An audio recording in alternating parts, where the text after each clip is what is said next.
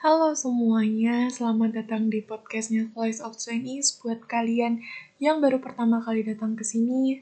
Terima kasih sudah memutuskan untuk mendengarkan di sini. Perkenalkan, ini channelnya Slice of Twenties dan buat yang udah pernah ke sini, welcome back.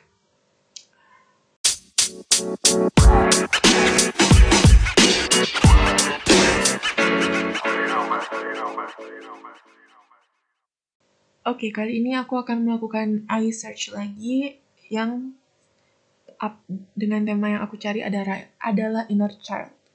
Disclaimer sebelum kita membahas ini, inner child ini adalah sesuatu yang uh, agak lumayan mengarah ke ala psikologis dan lain-lain. Aku cuma mau bilang bahwa eye search itu adalah apa yang aku cari, di mana apa yang aku cari dan kamu cari di Google adalah sesuatu yang tidak bisa dijadikan landasan dan aku akan merasa lebih baik jika kalian kalau misalnya memiliki masalah dalam ini kalian bisa berbicara dengan tenaga profesional ataupun kalau misalnya kalian merasa tidak nyaman kalian bisa diskusi ke orang lain yang kalian percayai cuma untuk buat sharing aja. Atau mungkin kalau kalian percaya sama aku, kunjungi Instagram Slice of Twenties, DM aja terserah kalian. Aku online walaupun gak gak on, makanya jarang ngepost. Oke, kita mulai aja. Apa itu inner child? Inner child ini dari clickdoctor.com. Inner child adalah di sini. Wait, inner child menjadi salah satu istilah psikologi yang populer di masyarakat apa itu inner child? Dilansir dari Psychology Today, inner child adalah sekumpulan peristiwa masa kecil yang baik atau buruk dan membentuk kepribadian Anda sekarang ini. Ini dari psikolog menjelaskan bahwa meski tidak bisa dilihat secara kasat mata, sejatinya inner child adalah menjadi bagian dari diri Anda. Tak hanya itu, inner child ini ada di alam bawah sadar, yang mana akan mempengaruhi cara bersikap Anda ketika merespon suatu masalah. Contoh sederhana, ketika seseorang dikelilingi oleh sanak saudara atau teman-teman yang melindungi dan menyayanginya, ia bisa tumbuh menjadi pribadi yang penyayang serta suka bergaul dengan orang lain. Lalu ketika masa kecilnya dipenuhi dengan kekerasan dan pengabaian emosional, bisa jadi inner child ini akan keluar di kemudian hari. Inner child ini dapat mempengaruhi seseorang menjadi pribadi yang pemarah, tidak punya empati, dan bahkan cenderung melakukan kekerasan inner child yang buruk bisa menjadi masalah karena pengalaman menyakitkan yang didapatkan itu bisa uh, bisa mempengaruhi kita di masa depannya.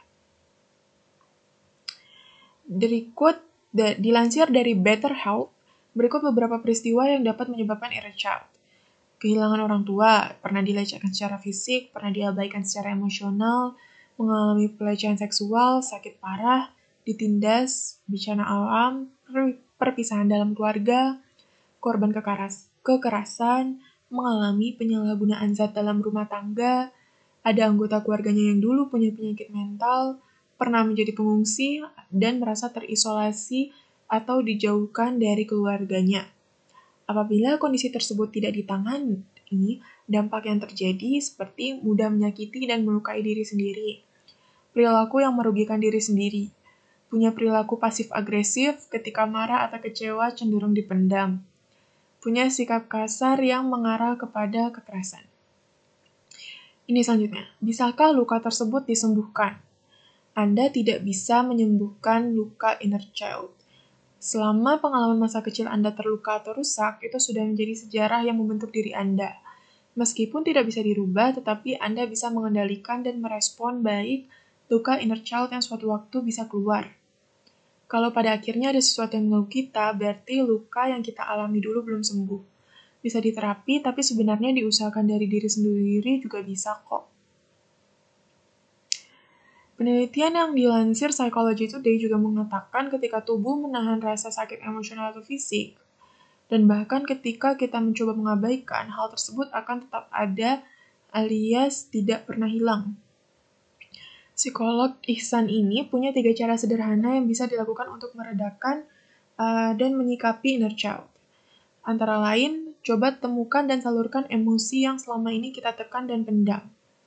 salurkan ke hal yang lebih bermanfaat. Terus kenali kebutuhan batin yang belum terpenuhi. Misalnya Anda mengakui bahwa dulu Anda tidak mendapatkan kasih sayang. Untuk memenuhi kebutuhan tersebut, Anda bisa berkonsultasi dengan psikolog terlebih dahulu.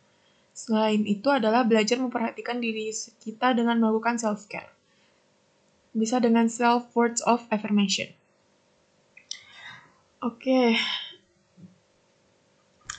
pengalaman aku tentang inner child. Oke, jujur aku baru mengetahui dan sadar oleh inner child itu enggak enggak baru-baru banget. Aku dulu pernah nonton videonya. Kalau kalian tahu di YouTube ada yang namanya analisa. Uh, itu video, video YouTube video tentang inner aku nonton inner child dari situ dan itu adalah sesuatu yang membuat aku sadar bahwa aku memiliki inner child yang lumayan mempengaruhi. Awalnya konsep aku mengenai inner child adalah diri aku versi kecil, maksudnya yang kayak um, ya maksudnya masih kecil yang cengeng, manja dan lain-lain. Tapi ternyata inner child itu adalah hal-hal yang kita alami baik dan buruknya pengalaman kita pada waktu masih kecil yang menempel pada diri kita.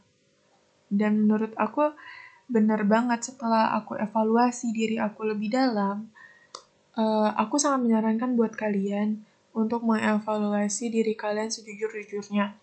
Kalian gak perlu nanya sama orang lain karena orang lain punya inner child masing-masing, kamu juga punya inner child masing-masing.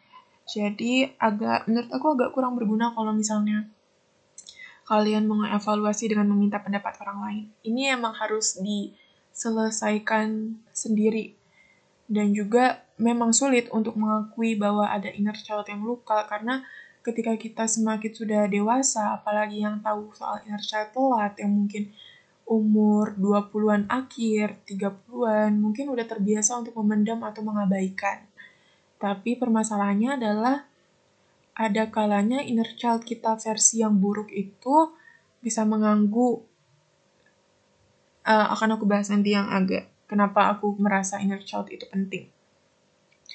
Uh, jadi setelah aku evaluasi ya ada beberapa hal yang aku sadari soal inner, inner child aku.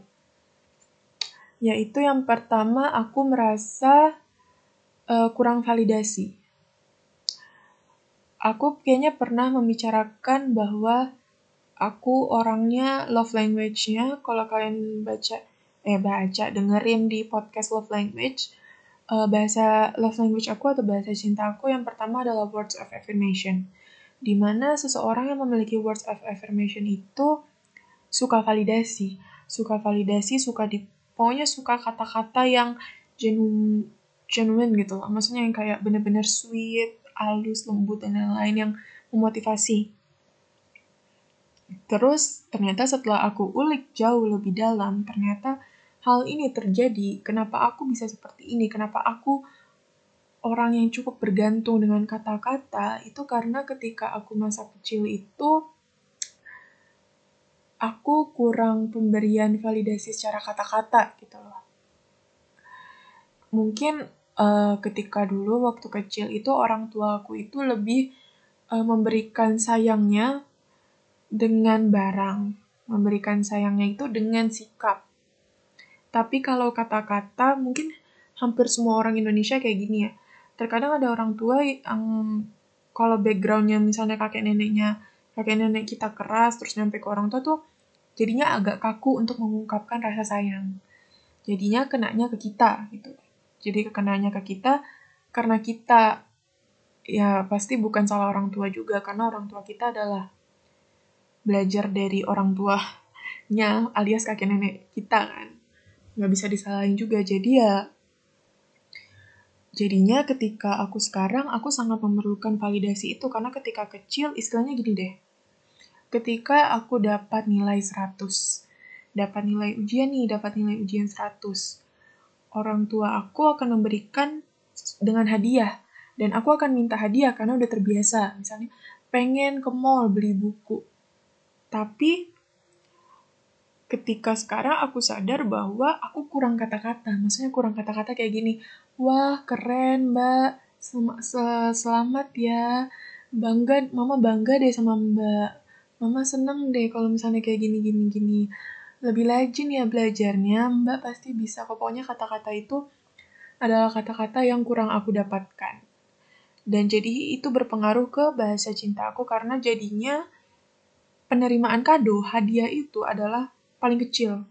Di antara lima love language, kalau kalian mau lebih paham, kalian bisa balik dengerin podcast yang love language. Itu adalah yang paling rendah, sementara yang paling tinggi adalah words of affirmation. Aku merasa hal itu bisa jadi karena inner child aku kurang akan hal itu. Jadinya ketika sekarang, aku nyari ini mana itu. Ya dan itu buruk karena ketika kita membutuhkan validasi dari orang lain dan ketika kita tidak bisa memvalidasi diri kita sendiri jadinya kayak codependent. Oh salah satu yang bisa aku jadikan masukan iSearch codependency. Kalau kalian mau cari duluan nggak apa-apa di Google codependency jadinya terlalu bergantung kepada kalimat-kalimat dari orang lain. Padahal ya kalau secara rasional ketika kita berpikir uh, sebagaimana rasa insecure ins kalau misalnya insecure kan terkadang ada momen di mana hal kata-kata yang kita percayai adalah negatif self talk dari sendiri. Nah itu kan insecure. Begitu pula dengan validasi. Membutuhkan validasi ditambah dengan orang yang insecure atau itu adalah dua combo yang saling menghancurkan karena ketika kita membutuhkan validasi kita nyari kata-kata itu Permasalahannya adalah ketika orang itu insecure, percuma ujung-ujungnya akan percaya dengan negatif self-talk diri sendiri. Dan itu juga berpengaruh kepada kebutuhan akan kata-kata sayangnya. Jadi karena kita merasa insecure, kata-kata itu ketolak gitu loh. Jadi mantul. Uh, itu salah satu dari diri aku yang merasa harus aku perbaiki, kayak harus aku pelajari untuk beberapa ke depannya. Selain itu juga kalau aku kayaknya aku punya problem dengan kata-kata. Jadi aku aku itu gampang baperan. Ya sebenarnya baperan itu adalah kata-kata yang kurang cocok untuk digunakan karena semua orang punya perasaan ya. Aku nggak suka ketika orang bilang, ih kamu terlalu baperan. Ya emang aku punya perasaan, jadi gini deh, ketika orang itu baperan, kalian tuh jangan bilang dia baperan dengan kayak langsung bilang, ih kamu baperan, karena kita tuh nggak pernah tahu gitu loh. Misalnya ada beberapa orang, misalnya kalian bercanda soal, ih eh, nggak uh, punya itu deh, kayak nggak gini. Misalnya membicarakan soal fis nggak fisik itu tidak bisa ditolerir mau itu di mana tuh kan apa ya contoh yang enak yang ringan gitu. Misalnya gini deh. Soal gak punya ini deh. Kok cuek banget sih misalnya. Ada beberapa orang yang ketika menemukan cuek kayak ih nggak apa-apa hehehe ketawa. Tapi ketika kalian menemukan orang yang punya inner childnya adalah problem dengan rasa cuek, hal itu tuh kayak menjadi satu kata yang langsung masuk ke dalam mereka ketika kalian menyerang seseorang di mana seseorang itu pas punya masalah inner child dengan hal yang kalian omongin, jujur itu langsung masuk ke dalam hati. Ini dia aku sih. Aku sering membawa perasaan terlalu dalam dan sering gampang masuk ke hati soal uh, sifat aku. Soal sifat dan juga soal fisik. Oke, kalau yang pertama sifat aja dulu ya aku bahas. Sifat itu misalnya nggak punya hati, cuek. Hmm, aku dulu pernah dibilang seperti itu. Yang mengakibatkan aku adalah ketika ada orang yang benar bilang aku cuek ketika di masa sekarang, itu langsung menuju, langsung nyampe, nggak ada barrier. Nggak ada perlawanan untuk masuk ke dalam otak, karena inner child aku tuh menerima itu kayak oh iya ya aku juga dulu pernah dibilang berarti benar aku emang cuek. Terus langsung kayak kita masuk ke dalam uh, tunnel lorong jembatan yang kayak gelap dan menekuni bahwa kalian itu cuek dan lain-lain. Pokoknya it's a whole thing untuk dipikirkan. Itu sifat kan terus kalau misalnya fisik ketika kalian merasa tidak pede ada beberapa orang kenapa mereka tidak pede? Ketika Karena ketika mereka dari kecil, mereka tidak diajari untuk pede. Dari kecil, misalnya kalian mungkin badannya sedikit besar, ya sebenarnya nggak ada masalah sih selama kalian tidak sakit fisik dan tidak lain-lain. Kan mungkin masalahnya ada beberapa keluarga. Salah satu contohnya adalah keluarga aku itu menggunakan sapaan fisik itu sebagai kalimat pembuka. Mungkin buat beberapa dari kalian ada keluarga besar yang seperti itu. Misalnya wow misalnya udah lama gak ketemu nih. Iya udah lama gak ketemu gendutan ya. Kok, kok makin makin subur sih? Udah gini gini gini gini. Sehat ya di sana ya sebenarnya kalau dipikir-pikir ya mereka mau nanya kabar salahnya itu adalah mereka menggunakan fisik di situ Di mana ketika seseorang dari kecil sudah diperlakukan seperti itu, ketika mereka besarnya, mereka nggak pernah tahu caranya untuk menjadi pede dan nyaman dengan diri mereka sendiri. Dan karena mereka tidak pernah belajar dari pede dan nyaman dengan diri mereka sendiri ketika ada orang lain yang bilang bahwa kalimat yang sama dengan orang-orang di masa kecil dia, itu akan langsung masuk ke dalam hati nggak pernah ada nggak pernah akan ada barrier karena di satu sisi inner child kalian udah terbiasa mendengar dan kalian kayak mikir oh sini sini sini kalimat itu udah biasa aku dengar. Iya iya iya emang aku seperti itu gini gini gini. Itu sih yang itu inner child yang aku merasa aku rasakan sekarang yang perlu aku perbaiki. Selain itu juga mungkin ada inner versi-versi lain atau hal-hal yang mau aku perbaiki, tapi masih belum kepikiran. Ya belum kepikiran sekarang karena aku buat podcastnya aja spontan. Oke, berarti dua itu aja. Seandainya kan ada mungkin aku bisa nge-sharing di sini. Terus apa lagi ya? Oh, terus kenapa hmm, aku merasa inner child itu penting? Alasan pertama adalah beruntungnya kita, kita tinggal di mana mental health itu sudah cukup diseriusi. Hal yang menyayangkan, yang disayangkan, hal yang kurang beruntung dari orang tua kita adalah mereka tidak pernah belajar bahwa mental health itu penting. Otomatis ketika dulu kakek nenek kita itu jarang menganggap penting mental health. Kan kalian juga pernah sering dengar cerita betapa kerasnya kehidupan di zaman dahulu, bukan zaman kayak zaman dahulu kala. Maksudnya di uh, era dulu sebelum sekarang. Kalau sekarang lebih kayak uh, mental health tuh udah lebih dipasang lah, di, sudah lebih aware lah. Tapi bisa jadi karena sosial media But it's a whole thing. Jadi pokoknya bisa jadi itulah. Kalau bahas sosial media itu udah another topic. Jadi ketika menurut aku penting untuk kita belajar mental health sekarang karena eh kok jadi mental health sih? Belajar soal inner child kita sekarang. Karena kita aku bukan kita, jujur aku merasa ingin ngestop itu Kan jadinya aku begini, ketika aku belajar tahu soal inner child aku, aku takutnya aku membawa inner child dan bisa menjadi berupa trauma ke masa depan aku.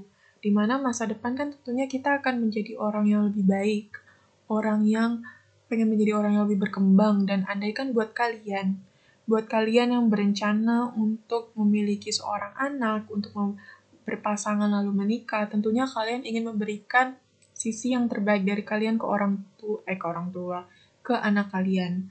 Alangkah lebih baiknya kalian menghilangkan semua trauma diri kalian dulu sebelum kalian memutuskan untuk memiliki pasangan dan menikah lalu mempunyai anak. Karena takutnya kalian hanya mengulangi siklus yang orang tua kalian berikan ke kalian, yaitu memberikan trauma. Trauma dari mereka versi kecil diberi, dikasih lagi ke kalian.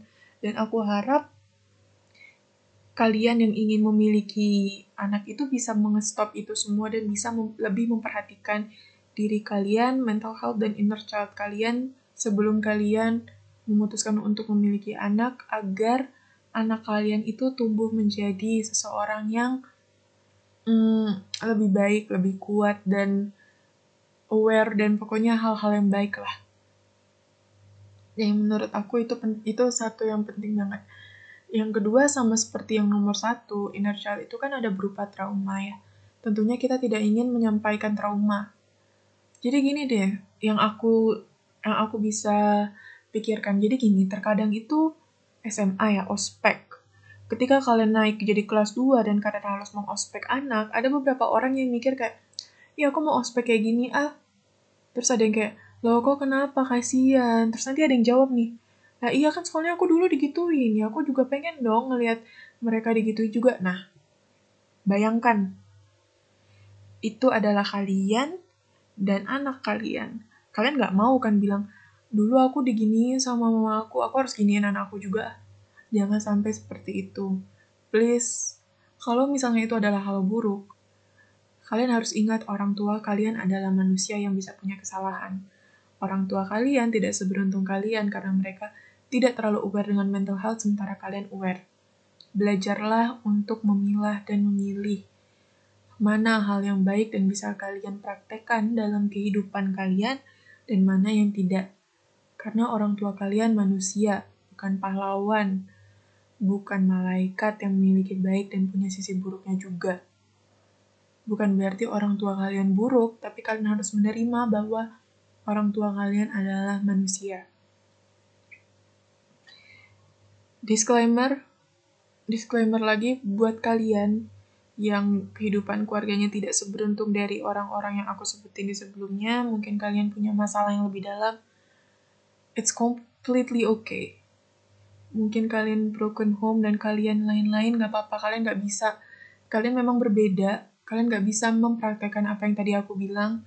Orang tua kalian mungkin memiliki kesalahan yang jauh lebih membuat kalian trauma tapi ingatlah jangan bikin orang yang hidup dari perut kalian untuk wanita itu mengalami trauma. Karena